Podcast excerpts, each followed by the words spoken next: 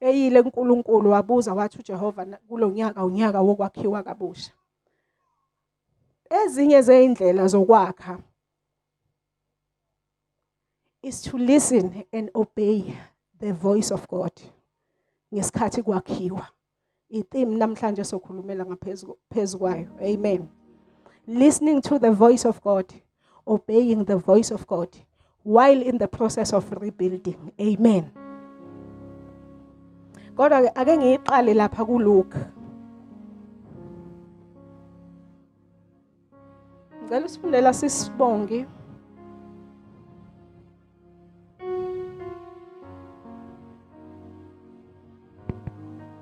uzosifundela uLuke 1 qala kuverse 26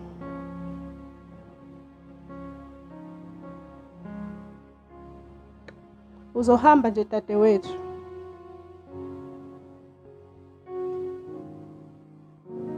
Uye kuverse 35 Lifunda kanje bazalwane. Ngenyanga yesithupha ingelosi uGabriel yathunywa nguNkulunkulu emzini waseGalile ogama lawo yiNazaretha. Entombini eyayimiselwe indoda ebizo layo nguJosefa wendlu kaDavide. Ibizo lentombi nguMaria Yangena ingelosi kuye yathi Eh wena ophiwe umusa inkosi inawe ubusisiwe esifazaneni. Kepha yena wethuka ngezwi layo ezindla ngokuthi kungaba ngukubingelela kuni lokhu? Ingelosi yathi kuye ungesabi Maria ngokuba ufumene umusa kuNkulunkulu. Bheka uza kukhulelwa uzale indodana uyiqambe igama lokuthi uJesu. Yena uyakuba mkhulu athiwe indodana yophezukonke inkosi uNkulunkulu iyakumnika isihlalo sobukhosi sikayise uDavide. Uyakuba inkosi yendlu kaJakobe kuze kube phakade. Nombuso wakhe awuyikuba nakuphela. uMaria wathi engilosini lokhu kuyakwenzeka kanjani? Njengokuba ngingayazi indoda na? Ingelosi yaphendula yathi kuye umoya ongcwele uza kuza phezu kwakho amandla ophezu konke akusibekele. Ngakho ke okungcwele okuzozalwa kuza kuthiwa indodana kaNkuluNkulu. Bheka uElizabethe isihlobo sakho naye ukhulelwe indodana esemdala. Lena ngeyesithupha yakhe obethiwa inyumba. Amen. Amen. Amen. Kuwo wonke lamavesi asefundiwe ngithi asiwafunde onke bazalwane ngoba ngifuna sibuke la indaba esuka khona. Sibuka la intombazana encane endaweni uMaria ukhulile njengazo zonke izingane phakathi kwakho kwawo wonke ama challenges abekhona okukhula kodwa wakwazi ukuthi ayiphathe kahle. Kwaze kwafika isigaba la kufanele ngene khona emshadweni. Amen. Lithi izwi likaNkuluNkulu ngaso leso sikhathi kusalindele ukuthi kulindele usuku olukhulu lomshado. Kufika ingelosi kuye. Ithi uzokhulelwa wena uzozala indodana. Uyabona ingelosi ifika isinayo yonke i-instruction ngalento ezokwenzeka. Iyamtshela ithi kuzokwenzeka ukuthi nokuthi nokuthi nokuthi uzozala indodana wena uzoyiqamba igama uthi usibani bani ngenxa yokuthi nokuthi nokuthi. Amen. Into engifuna siyinake kuwo wonke lamavesi ivesi engifisa sihlale kulo bazalwane kakhulu ukuthi njengawo wonke umuntu uMaria ufikelwa ilento yokuthi yokuresista athi kanjani? Amen. Nami kwakuyongifikela bazalwane. Hawu ngizigcine kangaka? Sengizokhulelwa? Isikhulelwa kanjani? Ngizothini kulomuntu esengithembisene naye umshado? Uyalibona abazalwane ihlazo elingaka? Le ntombazanyana encane ucabanga nasemphakathini aphila kuwo kuzothiwani mina sengibonakala sengiphusha isisu. Amen. Kodwa kukhona into eshiwo ingelosi. Ithi kuzokwehla umoya oyingcwele uhlale phezu kwakho. Uyazi mayisho njalo uMaria uzwakala ethi makwenzeke kimi. Ngithe sithini isihloko sethu namhlanje? Listening and obeying the voice of God while in the process of rebuilding. Ukuzalwa kukaJesu bazalwane kwakuzokwakhiwa ukuphila kwami nokuphila kwakho. Ngaba sikho la namhlanje? Ukuba uJesu akehlanga ngoba sasonile bazalwane. Uthi omunye sasone kanjani ngoba mina ngangakazalwa nakuzalwa? Iplan kaNkuluNkulu ngokuphila kwethu uNkulunkulu ukwazi ukubona singakazalwa. Ahlele ngokuphila kwethu singakazalwa singakafiki. uNkulunkulu wayazi futhi ukuthi uNkulunkulu thina sizozalwa nje siyizoni. Siyamdinga uJesu ukuthi enze njani? Ehle efele ukuphila kwethu. Athi uJohn 3 verse 16 ngokuba uNkulunkulu walithanda izwe kangaka waze wanikela ngendodana yakhe izelwe kuyiyo yodwa. Athi ukuze kuthi lowo okholwayo yiyo angabhubha benokuphila okuphakade. Amen. Can you imagine ukuba uMaria kalalelanga izwi likaNkuluNkulu. Ngengelosi ayeyithumele ukube wala angazi noma wayenalo inamandla okwala ngoba wayetshela ukuthi wena uzokhulelwa. Kwakungekho emandleni akhe. Kodwa noma kungekho emandleni akhe ngibuka ukuthi uyakwamukela ngoba into evela kuNkulunkulu kwakuyinto evela kuNkulunkulu. Uyamhlonipha uNkulunkulu. Amen. Mangabe bazalwane umpostoli edeclare lo nyaka ethi unyaka wokwakha kabusha kuthi enhlizweni yami cha phela bazalwane angeke sikwazi ukwakha kabusha. Singekho sensitive to the things of the spirit. Amen. Uyabona makwakhiwa njoba kwakhiwa nje lana kukhona izitini ezenze njani? Ngifike la ngolesihlanu ngama ngibuye emsebenzini. Ezinye izitini isitini iblocked nelazi bazalwane ukuthi liwusayizo wodwa nje. Kodwa ukuze lento eyakhiwayo yakheke khona beyidinga ukuthi zikhathwe phakathi nendawo. Ukuze kwenziwe njani? Kwakheke. Amen. Noma sekwa kwakhiwa ulayini uqondile bese kuba khona loqhamuka yethe engathi akuhambi kodwa kahle la bidlizani liqale phansi. Lento yakhiwa kabusha yokwakha kabusha idinga abantu who are sensitive to the voice of the holy spirit. Amen. Angeke wakhe. Angeke futhi nami nje ngakhe. Ngingasiyena umuntu olalelayo. Sizoya kuNehemiya. Ngoba khona indaba engifuna siyibuke kuNehemiya. Akha kabusha indonga ezazibhidlikile. Amen. Angeke bazalwane sibe ngabantu abakwazi ukwakha kabusha. Angawumemezela nje umntakadlomo unyaka as unyaka wokwakhiwa kabusha. Kusho ukuthi umemezela kubantu aba-wrong whose ears and their hearts are not sensitive to the things of the spirit with the holy spirit to be exact. Amen. Kuthiwa is the year of rebuilding. Sijabule nathi nawe nje uzubhale kuma status the year of rebuilding. Kodwa uyalalela yini ukuthi kuzokwakhiwa kanjani? Noma uNkulunkulu ufuna ukumprograma kwakhiwe ngendlela yakho. Uyabona emadolobheni makwakhiwa izindlu? Before kwakhiwe kuyafika kuzo assess umhlabathi. Ngisho lapha edolobheni sake sakha abazalwane. Kwakuse number 31 Pelican Parade. It was a long process.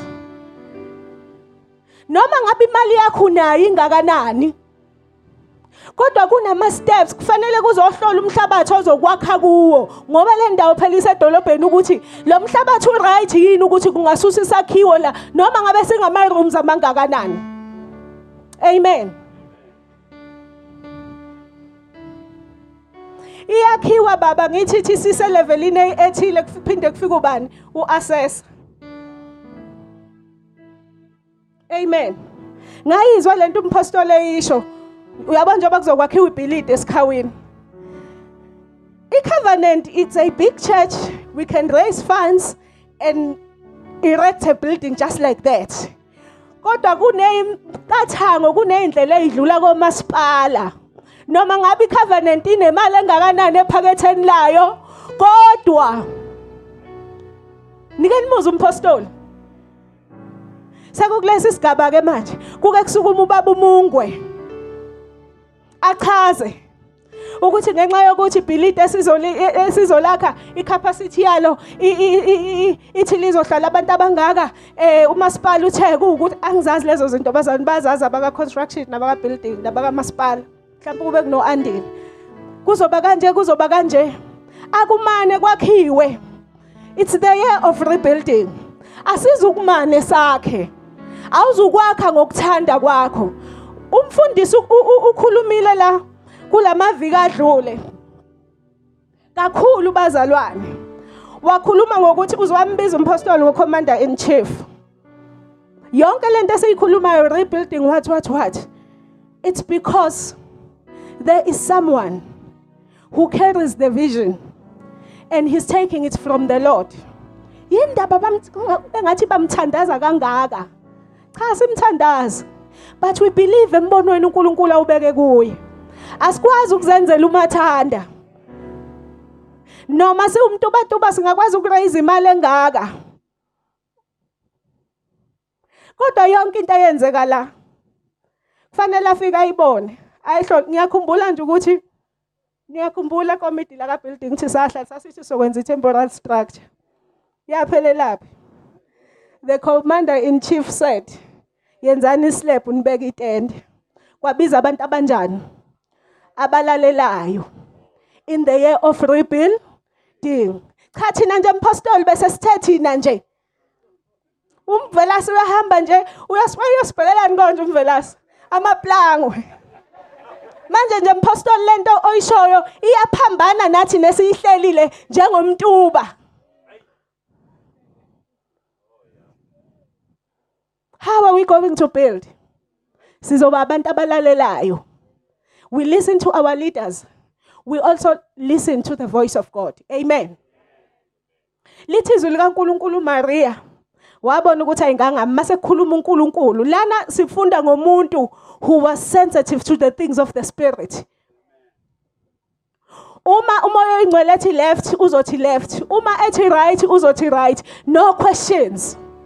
Inkinga abazalwane yethu yamabandla angaka namhlanje kuyakhona kusasa kuyaphihlika. Ilowo nalowo nami nama ngilalelwe. Sahleka labazalwane emavikini adlule umfundisi ekhuluma ngendaba yokuthi khona umuntu akathi nami uJehova ubeka izinto ezinkulu kimi. Sahleka nami ngahleka nje ngangihlela sasashayana nogogo uSigudu Izi- zinkulu izinto uThixo ayibekelanga kimi lisuke lineshwa ke ibandla elinjalo ngoba lisuke ligcwele abantu abangaphatheki. Sahleka nje umfundisi esho njalo but one of the days ngike ngahlangana nomuntu ongitshela impela la emadlebeni wathi uNkulunkulu ubeka izinto ezinkulu kuye aze ngimtshele ngisho umfundisi. Eh manje ngenxa yokuthi uNkulunkulu ubeka izinto ezinkulu kimi ngathi ha nayi lento eyisho kanti ikhona ngempela. Kuzoba ne-disorder bazalwane ayikho i-rebuilding ezokwenzeka. Uma sonke sizothi uNkulunkulu yebo njengoba ngikwazi ukuma la ngifunda izwi ngishumayele kodwa hayi ukuthi yimina osekuthiwe ngizongiklama indlela bonke beza ngemva kwami. Kwanami njengoba ngimila njengoba ngithi kusho umfundisi nje ngithunyiwe. Bengithanda ukunqaba bengeke kodwa ngoba enze njani? Uyangithuma. Amen. Sizokwakha. Sibe ngabantu abalalelayo. Listening to the voice of God and obeying. Uyabona ukulalela? Siyasifundisa ingane esikoleni mas- masikhuluma emthandazweni. Kunomehluko phakathi kokuzwa nokulalela hearing and listening. When you listen ulalela bese wenza njani? Uyenza. But hearing kusho ukuthi this organ has the ability to hear any sound. Nenkomo mayidlula nje la ithi mo wenze njani? Uyezwa. Emveni kwalokho kuphuma ngapha. It is the ability to to to hear. Amen.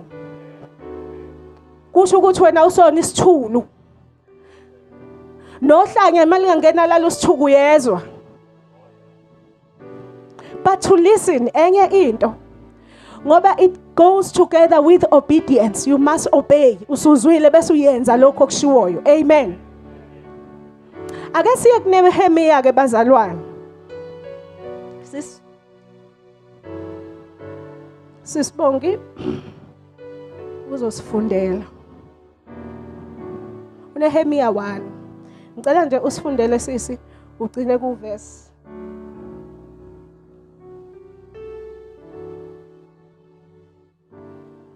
verse 4 1 to 4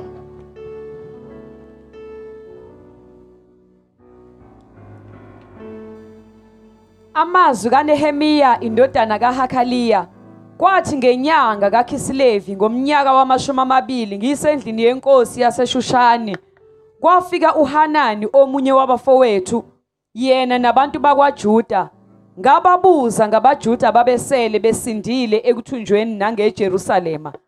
Bathi kimi insali eseleyo ekuthunjweni lapho ezweni isekuhluphekeni okukhulu nasehlazweni. Ugange lwaseJerusalema lubhidliziwe namasango alo ashisiwe ngomlilo. Kwathi lapho ngizwa lawo mazwi ngahlala phansi ngakhala izinyembezi. Ngalila izinsuku ezithile ngazila ukudla. Ngakhuleka phambi kaNkuluNkulu wezulu. Amen. Amen. Labazalwane sithola uNehemiya. Uzoqala umsebenzi omkhulu wokwakha kabusha. Amen. Kufika umbiko kuye ukuthi ingange zeJerusalema zidiliziwe amasango alo ashiswa. Kodwa into engifuna siyinake la bazalwane masifunda la yini eyokuqala uNehemiya yenza mayezwa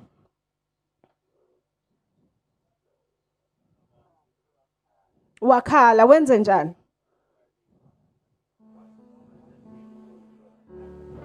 Sikuzilelana ukudla sisuke sikhuluma nobani nabangasekho nabaphansi very good. uNehemiya makufika umbiko kuye. Uthi umbiki ingange zibhidliziwe they have been demolished. Bangagcina nje ngokudemolisha izingange base bawenze njani amasango bawashisa. uNehemiya the first thing ayenzayo uya kuNkulunkulu. Ngoba uNehemiya wayazi ukuthi noma ngabe ufisa kangakanani ukwakha ngeke akwazi ukwakha. Engayanga kuNkulunkulu khona into uNkulunkulu as the master builder okufanele ayisho ayenze bese beyaqhubeka nokwakha. Amen. Sithe silalela sihloniphe senze. Silalela izwi ukukhuluma kamoya ingcwele uNkulunkulu. Sikuyiprocess yani ye rebuilding la kwakuzosusa umsebenzi omkhulu wokwakhiwa kabusha. Kodwa uNehemiya akasho ukuthi ngizoqoqa amadoda. Wayazi ukuthi uyabona ukuthi uzoqoqa amadoda? Akulula nje ukuqoqa abantu ubahlanganise ngoba abantu bahlala be-resista nje. And they always have questions why? Size siyoqaliswa phansi izinto ezifile kwenze njani kodwa ukuze laba bantu bamlalele uNehemiya knows ukuthi angiye kumuntu odalela ababantu ngoba ngingakhuluma mina kodwa ngeke ngikwazi ukufinyelela enhlizweni zabo ngiyithinte. Kodwa uNkulunkulu odala umuntu uyena ozokwazi ukwehlula inhliziyo zabo. Mina ngiyothi ngifika ngikhuluma yena kudala obewenzile umsebenzi. Nicabanga ukuthi kwakuyokwakheka yini bazalwane? Ukuba kaqalanga kumnikazi wokwakha. Amen. Ngamandla akhe nje nange-eloquence yakhe noma ngabe wayekwazi kangakanani ukukhuluma kodwa ma engayanga kumnikazi womsebenzi owuzokwenziwa kwakungeke kwenzeke konke. Amen. Lithi izwi likaNkuluNkulu uNehemiya waseyazila ngoba wayazi ukuthi the owner and the master of the rebuilding is God himself. Uyabona bazalwane khona izinto esiyifunayo ekuphileni kwethu? Siyifune size sikhale inyembezi sikhohlwe ukuthi umuntu wokuqala okufanele sigijimele kuye nguNkulunkulu the author and the finisher of our faith. Hallelujah. Kunezinto empilweni yethu esizilwayo silwa izimpi sesizilwa iminyaka. Awucheke indlela olwa ngayo. Amen. Umazisile yini yena? Lize lithi izwi likaNkuluNkulu mazise yena ezindleleni zakho zonke khona uzoqondisa imikhondo yakho. Amen. Iphutha lokuqala bazalwane esilenzayo iphutha lokuthi noma ngabe yiphi project noma ngabe yiphi inkinga noma ngabe yiphi into esifuna ukuyiqala nje asimazisi uNkulunkulu. Ngiyakhumbula kokusigudu bekufika la ngomgqibelo ekseni sifika la kuzokhulekwa. Ingakenziwa yonke lento eyenziwa la. Ngicabanga ukuthi nabantu nje abadlula bama ngathi benzani labayani ngoba sasifike sihlakazeke la?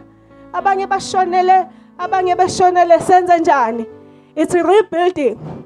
But we must be sensitive. Ukuthi umoya oyingcwele uthini?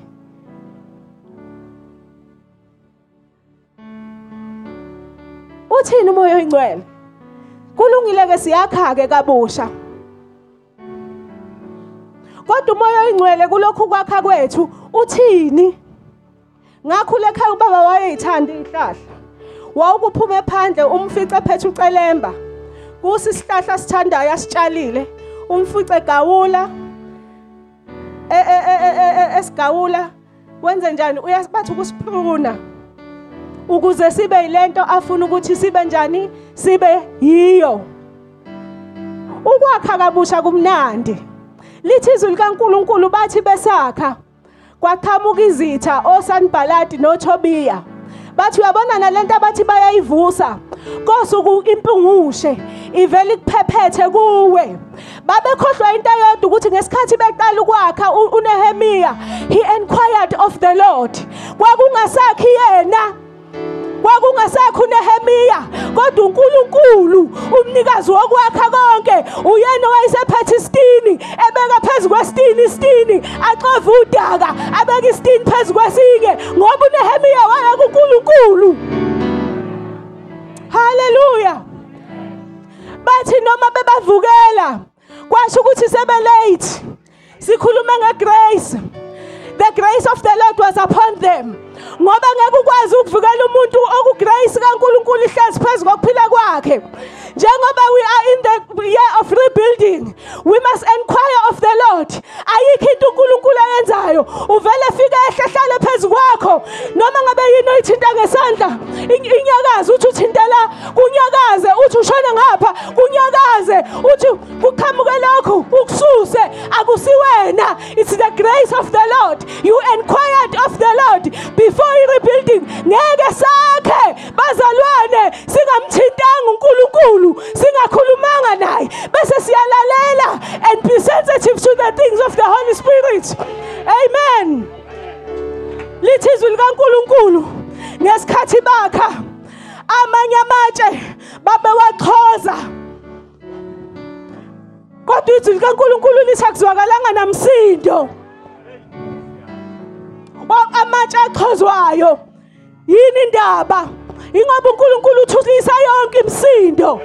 uNkulunkulu wakwazi ukuvala imilomo yeyingonyama esefakiwe uDaniel emphandwini bazi ukuthi kothi kusekuseni ngoba kusela amathambo lithi izwi likaNkulunkulu wehla wavala ingonyama sizokwakha kanjani singambizanga? Sizokwakha kanjani? Sizokwakha kanjani? Singambizanga. Sizokwakha kanjani? Singalifunanga itshele gumbi. Elithi izwi likaNkuluNkulu lanqatshwa ngabantu kodwa kuNkulunkulu likhethekile liyigugu. Uzoqala kanjani? Noma ngabe yini ofuna ukuyiqala empilweni yakho kulonyaka akukabi late mntaka baba kuse umarch nje. Sisasalelwe izinyanga eziningi. Zokwakha.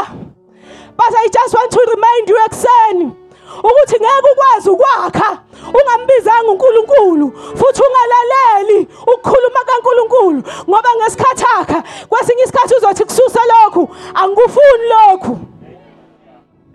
Angikuthandi lokho awukwazi ukukwakha ugodle lokho ekhwapheni kukhiphe lokhu.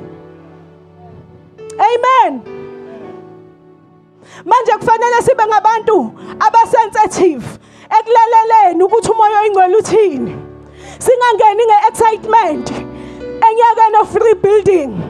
Kodwa singene ngokusaba nangokuthuthumela ukuthi uJehova uthini? Yini ayifunayo? Yini angayifuni? Amen. Noma bengaqolodela makwakhiwe phela kuyakolodwa. Noma bengaphosa ibhodlela eliboshwe ngeintambo eziyimbalabala. But the grace of the lord lithi izwi likankulunkulu thina sinikeziwe amandla. Makhantashiyeke. Uraka basiyeke nteshika siyonyathela ofezela ney'nyoka. Wakwelinyathela ibululu. Lithi izwi likankulunkulu thina ngamandla akithi ngegrace akithi we will be able ukuthi sinyathele to trample upon scorpions and serpents. Angeke soniwe yilutho. Because of the grace of the lord. Why? Ngesikhathi sakha we went straight to him. Ngifuna ukukutshela nalento oyizamayo empilweni yakho. Ngizokunikeza the master builder ekuseni. Umnikazi wokwakha konke. In the year of rebuilding. Nalento oyizamayo nalo msebenzi owufunayo nakho konke lokho kusenhlizweni yakho. Lizani liyasho bazalwane izwi likaNkuluNkulu. Lithi zithokozise ngobani? ngoJehova. Uzokwenza njani? Yebo. Siqala phi kuJehova. And then we receive what? All that our heart desires. Amen. Uyabona nje masithi la sakho umsebenzi kaNkuluNkulu gogo sigudu kufanele simvumele nje uNkulunkulu ahambe phambili. Simvumele nje uNkulunkulu ahambe phambili. Singahlakaniphi kakhulu? Ngiyamsaba kuNkulunkulu ngiyamsaba uNkulunkulu. Ngiyamsaba nje. Ayikho into engishayisa ngovalo njengalento eyenziwa la. Ngisho ebusuku kuke kuphela ubuthongo ucabanga kodwa Jehova kuzokwenzeka yini?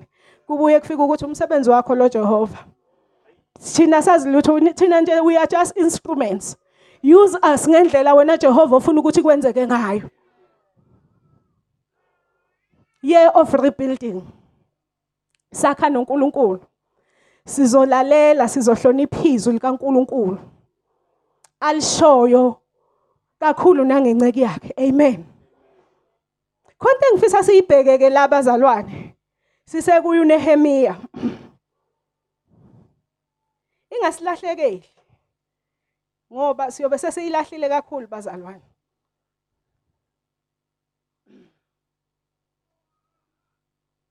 Ngicela usifundela sisi futhi.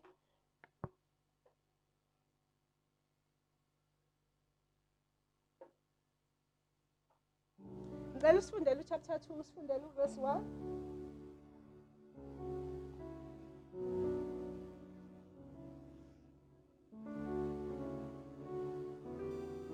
ugcine ku-4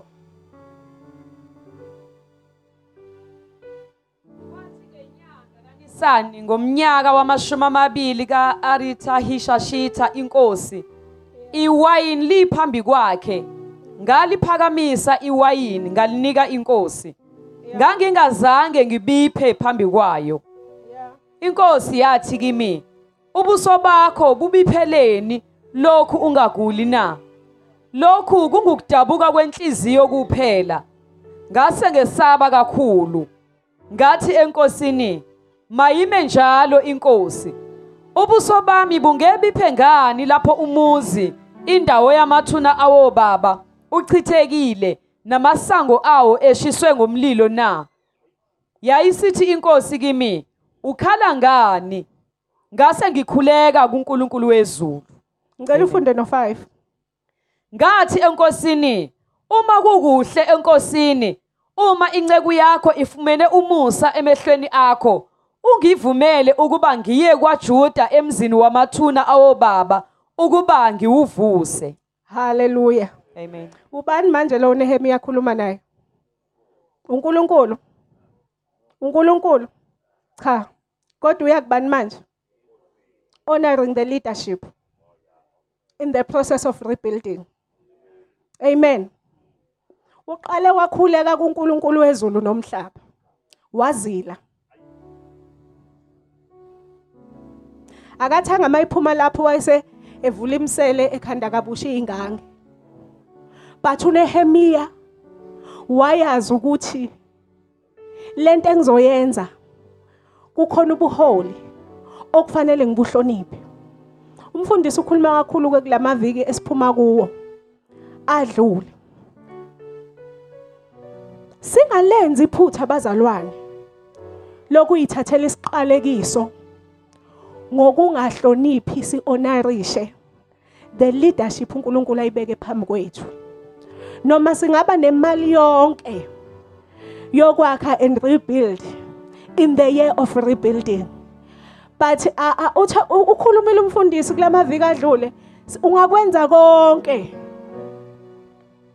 Kodwa uNkulunkulu ubeke bani? Abantu phambi kwakho. Amen.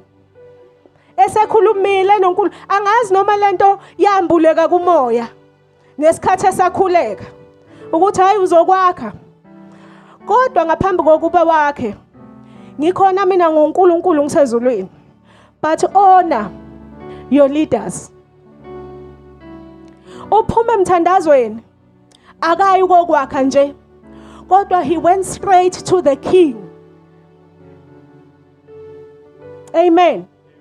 Uya kuphi enkosini? Uyofuna ini? Imvume. Yokwenza njani? Angithi uNehemiya usesuka kuNkulunkulu. Usafunana enkosini ngoba uNkulunkulu ngaphezulu kwenkosi. Amen. Ufunana uNehemiya enkosini ngoba phela mina sengikhulume noNkulunkulu.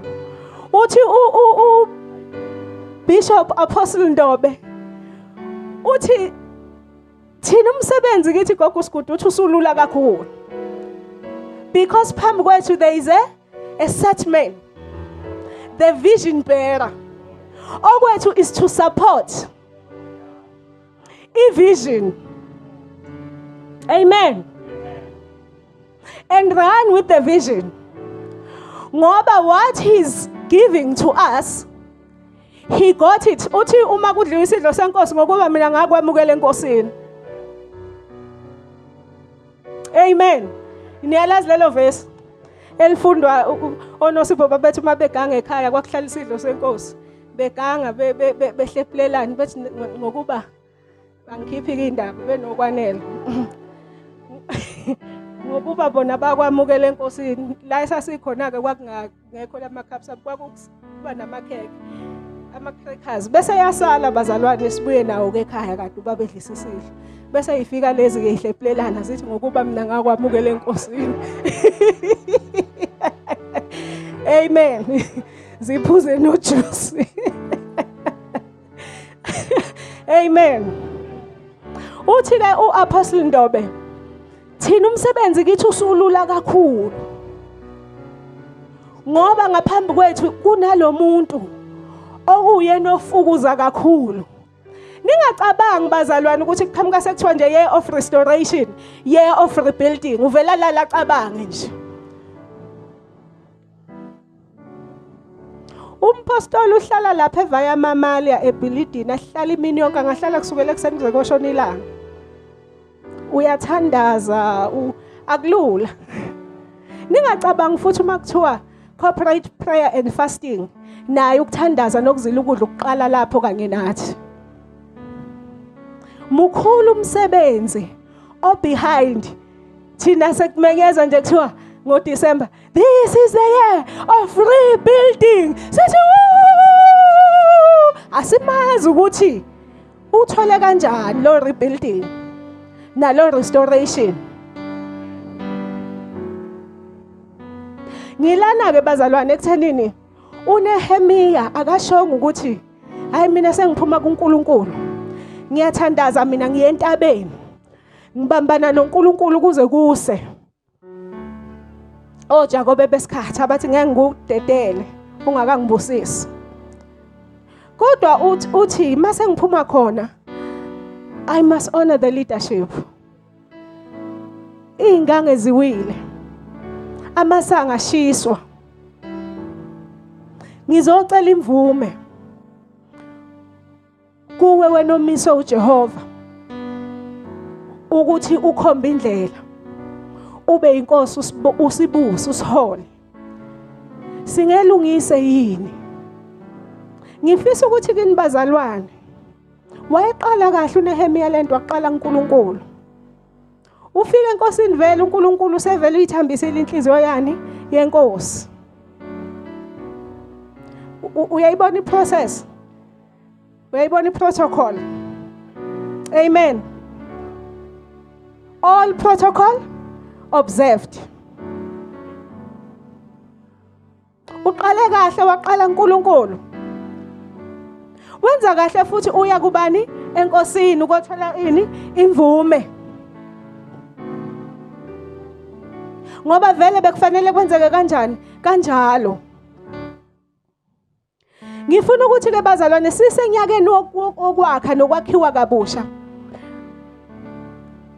Ilezi zinto ezincane bazalwane lezi zinto ezincane njengathi asiyinaki lezi zinto ezincane ukulalela ukukhuluma kaNkuluNkulu lalela ukukhuluma kaNkuluNkulu ukukhuluma kaNkuluNkulu kangakhuluma angakhuluma nakuwe. Uyabona nje mawugcwalisiwe ngamandla kamoya oyingcwele uNkulunkulu wenza njani? Uyakhuluma ziningi izinto ayikhulumile. Nangathi nangaleli bandla nakimi nje okunye ngeke ngivuke ebusuku ngitshela umfundisi. Ngiyakhumbula nje ngelinye ilanga ukuthi ngavuka ebusuku ngathi kumfundisi nanga umoya oyingcwele ethi signs and wonders signs and wonders signs and wonders. Kwakuthi angivuke ngikhala indlu yonke ngimemeza indlu yonke ngithi signs and wonders. Uthi yini? Ngithi uma ingcwele uthi signs and wonders. Uyabona? Angigijimi nje mina nesambulo kodwa ngiyazi ukuthi ngenze njani? Ngiphethwe. Ngifuna ukuthi ke bazalwane sisekulonyaka we rebuilding it's never too late. Nakuwe nakuwe.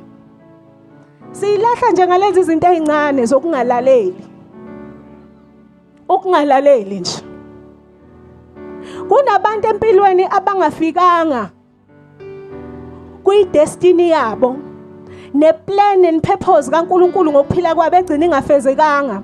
Ilahleke kuphi? Abalalelanga ukungalaleli. Ukungalaleli. Bayazi laba bangothisha eklasini mangabe ufundisa iclass sisibonga uyakwazi nje ukubona ukuthi uyazi lona uhleli kodwa akangilaleli futhi akangizwa mhlawumbe uzubuza ukuthi ngithini wesibanibani? Ngithini? Bese yathi akezwe. Akekho la sizoyilahla nje bazalwane ngalezi zinto ezincane nje enye yazo ukulalela. To listen and to obey. Asibe ngabantu abalalelayo bazalwane. Umfundisi esazoza ngaphambili ezosikhulekela. Kodwa ngiyafisa ukuthi siwukhulekele umoya wokulalela. Ukukhuluma kaNkuluNkulu khona ohlabelelayo ozathi mayehlabelela wabamba ukusho kukaJehova. Asizukubamba ukusho kwayo yonke into ekhona emhlabeni nekhona ezweni. Thina sizolalela ukusho kukaNkuluNkulu ngoba mayisekhulumile yena zonke izinto ziyama. Mayisekhulumile yena nokubekuboshiwe kuyaqaqeka akaze empilweni yami selokhu ngakholwa nje. Selokhu ngakholwa nje. Ma uNkulunkulu esekhulumile kukhona izinto eziqaqekayo kukithi bazali lento ifika isale kithi uyalalela yini? Noma uyikholwe eliyihlongandlebe akhona phela nasendlini kaNkuluNkulu amakholwa ngamahlongandlebe nje.